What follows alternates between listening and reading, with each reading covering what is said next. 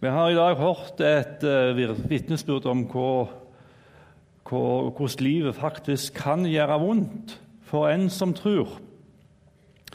Um, og Det er jo litt underlig da, når vi tror på en Gud som har makt til å forandre håpløshet til håp. Og han som kan forandre sykdom til et helbreda legeme. Um, men som samtidig så står vi der og ser på at den Gud vi tror på, som nettopp kan gjøre det Han gjør seg ikke gjeldende på den måten i våre egne liv. Og det kan være ganske tøft. Um, og Jeg er sikker på det hvis vi hadde delt uh, livet vårt med hverandre her i dag, så hadde de fleste av oss kunne sagt noe om at de hadde møtt livets utfordringer på ulike områder. Noen kunne fortalt noenlunde samme historie som Leila og Tarald har gjort her i dag. Eh, andre kan oppleve eh, lidelse på andre områder. Noen kan gå med en kronisk lidelse, eh, en kronisk sykdom gjennom hele livet sitt. Noen kan eh, ha hatt økonomiske utfordringer, brutte relasjoner, som Jan nevnte på her i starten. Og Dette tenker jeg er noe som er, en konsekvens av det som er å leve i en, i en verden der, der, synd faktisk er med som en del av, av, livet vårt. Sykdom er en del av syndens konsekvenser. Ikke fordi noen er, er mer eller mindre syndige, men nettopp fordi vi lever i en syndens verden. All lidelse kan vi føre tilbake til til synden. Og det går vi ikke fri, så, fri for som kristne. Eh, Salmenes bok har 150 salmer. Og en tredjedel, Ca. en tredjedel av disse salmene er klagesalmer til Gud.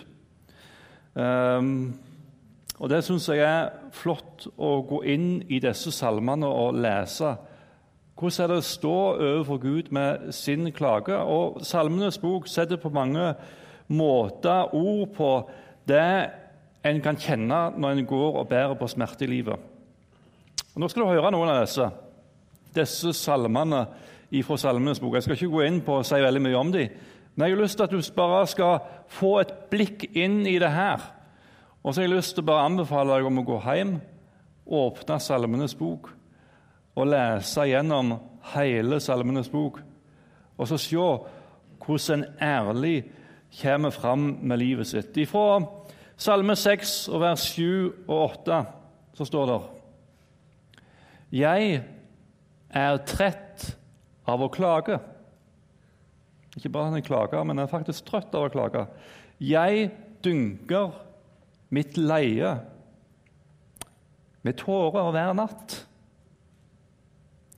Sengen drypper av gråt. Mitt øye er sløvet av bitter sorg, eldet fordi mange står imot meg. For en ærlighet som kommer for dagen gjennom disse ordene her. Jeg ser for meg der han dynka med tårer, og der senga faktisk drypper av gråt. Salme 69, eh, vers 2 og 4, 2-4. Frels meg, Gud. Vannet når meg til halsen. Jeg har sunket ned i myr i, i myr og dyp. Foten finner ikke feste. Jeg er kommet ut på dypt vann. Flommen skyller over meg. Jeg er trett av å rope. Strupen er hes. Øynene slukner. Jeg har ventet på min Gud. Salme 31 og vers 13. Jeg er glemt og ute av hjertet som en død. Jeg er blitt som et knust kar. Og så spør jeg hvor mye er det igjen da? Han er blitt som et knust kar. Salme 109 og vers 4. Til lønn for min kjærlighet anklager de meg. Men jeg er, men jeg er bare bønn. Av og til så tenker vi at bønn er noe som er muntlig sier fram for Gud. Men her sier salmisten det at 'jeg har ikke ord lenger', men jeg er bare bønn.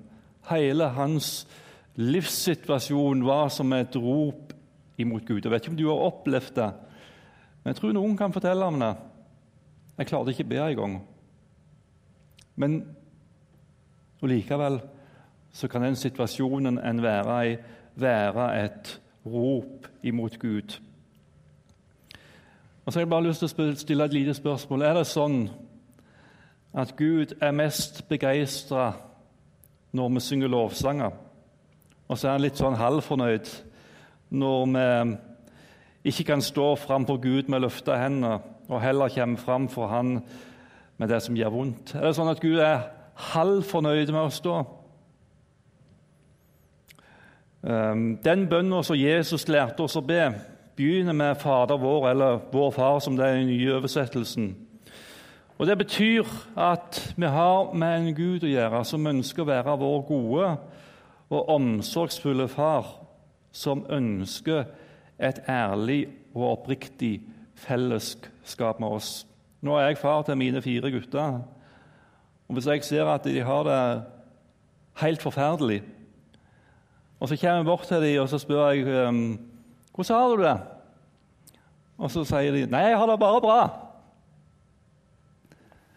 Så ville ikke jeg være veldig fornøyd. Så ville ikke jeg være veldig fornøyd.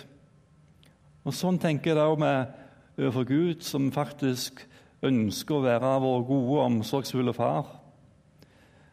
Når, han, når vi kommer fram for Gud i bønn, og han spør oss hvordan har du det så ønsker han faktisk at vi skal være ærlige og fortelle han akkurat sånn som vi har det. Og så er det en utrolig befrielse å få lov til å komme fram for Gud. Ikke sånn som jeg, ikke sånn som jeg skulle ønske at jeg var, men faktisk sånn som jeg er. Og Gud vil ikke at vi skal komme fra ham for Han og gjøre oss til. Det står i Salme 51, vers 8.: Se, du gleder deg over sannhet i mitt indre. Du lærer meg visdom i det skjulte. Han vil at vi skal fortelle han om alt i livet vårt. I 1. Peters brev, kapittel 5, vers 7, så står det:" Kast all deres bekymring på ham, for han har omsorg for dere. Han vil faktisk at vi skal komme til han og fortelle hvordan vi har det, for han har faktisk omsorg for oss. Um, alle disse klagesalmene som, i, som, jeg har lest for dere i dag, eh, de er faktisk skrevet av David. Eh, og han blir jo kalt for mannen etter Guds hjerte. Så tenker jeg at eh, det er jo ikke feil da å gå i fotsporene til han som blir kalt for mannen etter Guds hjerte. Vi skal faktisk få lov til å stå der framfor Gud med hele vårt liv sånn som det faktisk er. Gud elsker ærlighet og oppriktighet. Og sånn skal jeg få lov til å være overfor Gud. Og så tror jeg vi også skal få lov til å lovsynge Gud. Eh, men vi skal også få lov til å være framfor Gud med klagen vår. Eh, og fortelle Han alt. Og si det akkurat sånn som det er. Um, så jeg vil bare anbefale deg å gå inn og lese Salmenes bok. Kikk der etter hvor ærlig livet blir framstilt akkurat sånn som det. er. Og så håper jeg òg at vi som eh, fellesskap at vi kan møte hverandre på en sånn måte at byrdene i livet blir lettere å bære. For det er faktisk noen som går i sammen med oss. Og så har jeg lyst til å si en ting til. Jeg skulle være kort, og nå er jeg veldig kort her i dag. En gang så er faktisk alle sorgene slutt. Eh, en gang skal vi få lov til å komme hjem til Gud. En gang skal vi få lov til å møte Han ansikt til ansikt. Og da får, vi, får Lillian full helbredelse. Alle mennesker får, som har sykdom og lidelse og det vi har kjent på i livet som har gjort vondt, det er borte.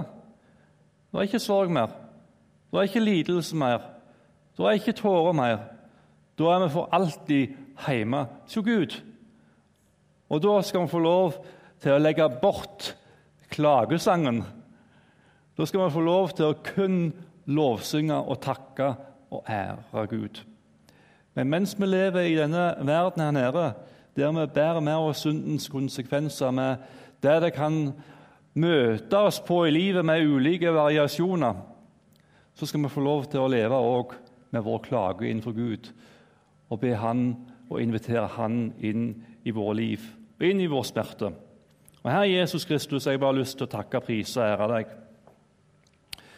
for den du er. Jeg har lyst til å takke deg, Gud, for at vi får lov til å være hos deg med hele vårt liv. Det fikk David lov til. Det fikk alle disse storhetene vi kan lese om i Bibelen. Det fikk de lov til. Og Herre Jesus, jeg takker deg for at du er min far, og at du ønsker å vite hvordan jeg har det. Og så skal jeg få lov til å klage overfor deg, og jeg skal få lov til å lovprise deg. Jeg skal få lov til å ære ditt navn, Herre. Jeg takker deg for at jeg skal få lov til å være innenfor ditt ansikt med hele meg. Og så vet du, Herre, hva som rører seg i, i hjertene til folk her nå.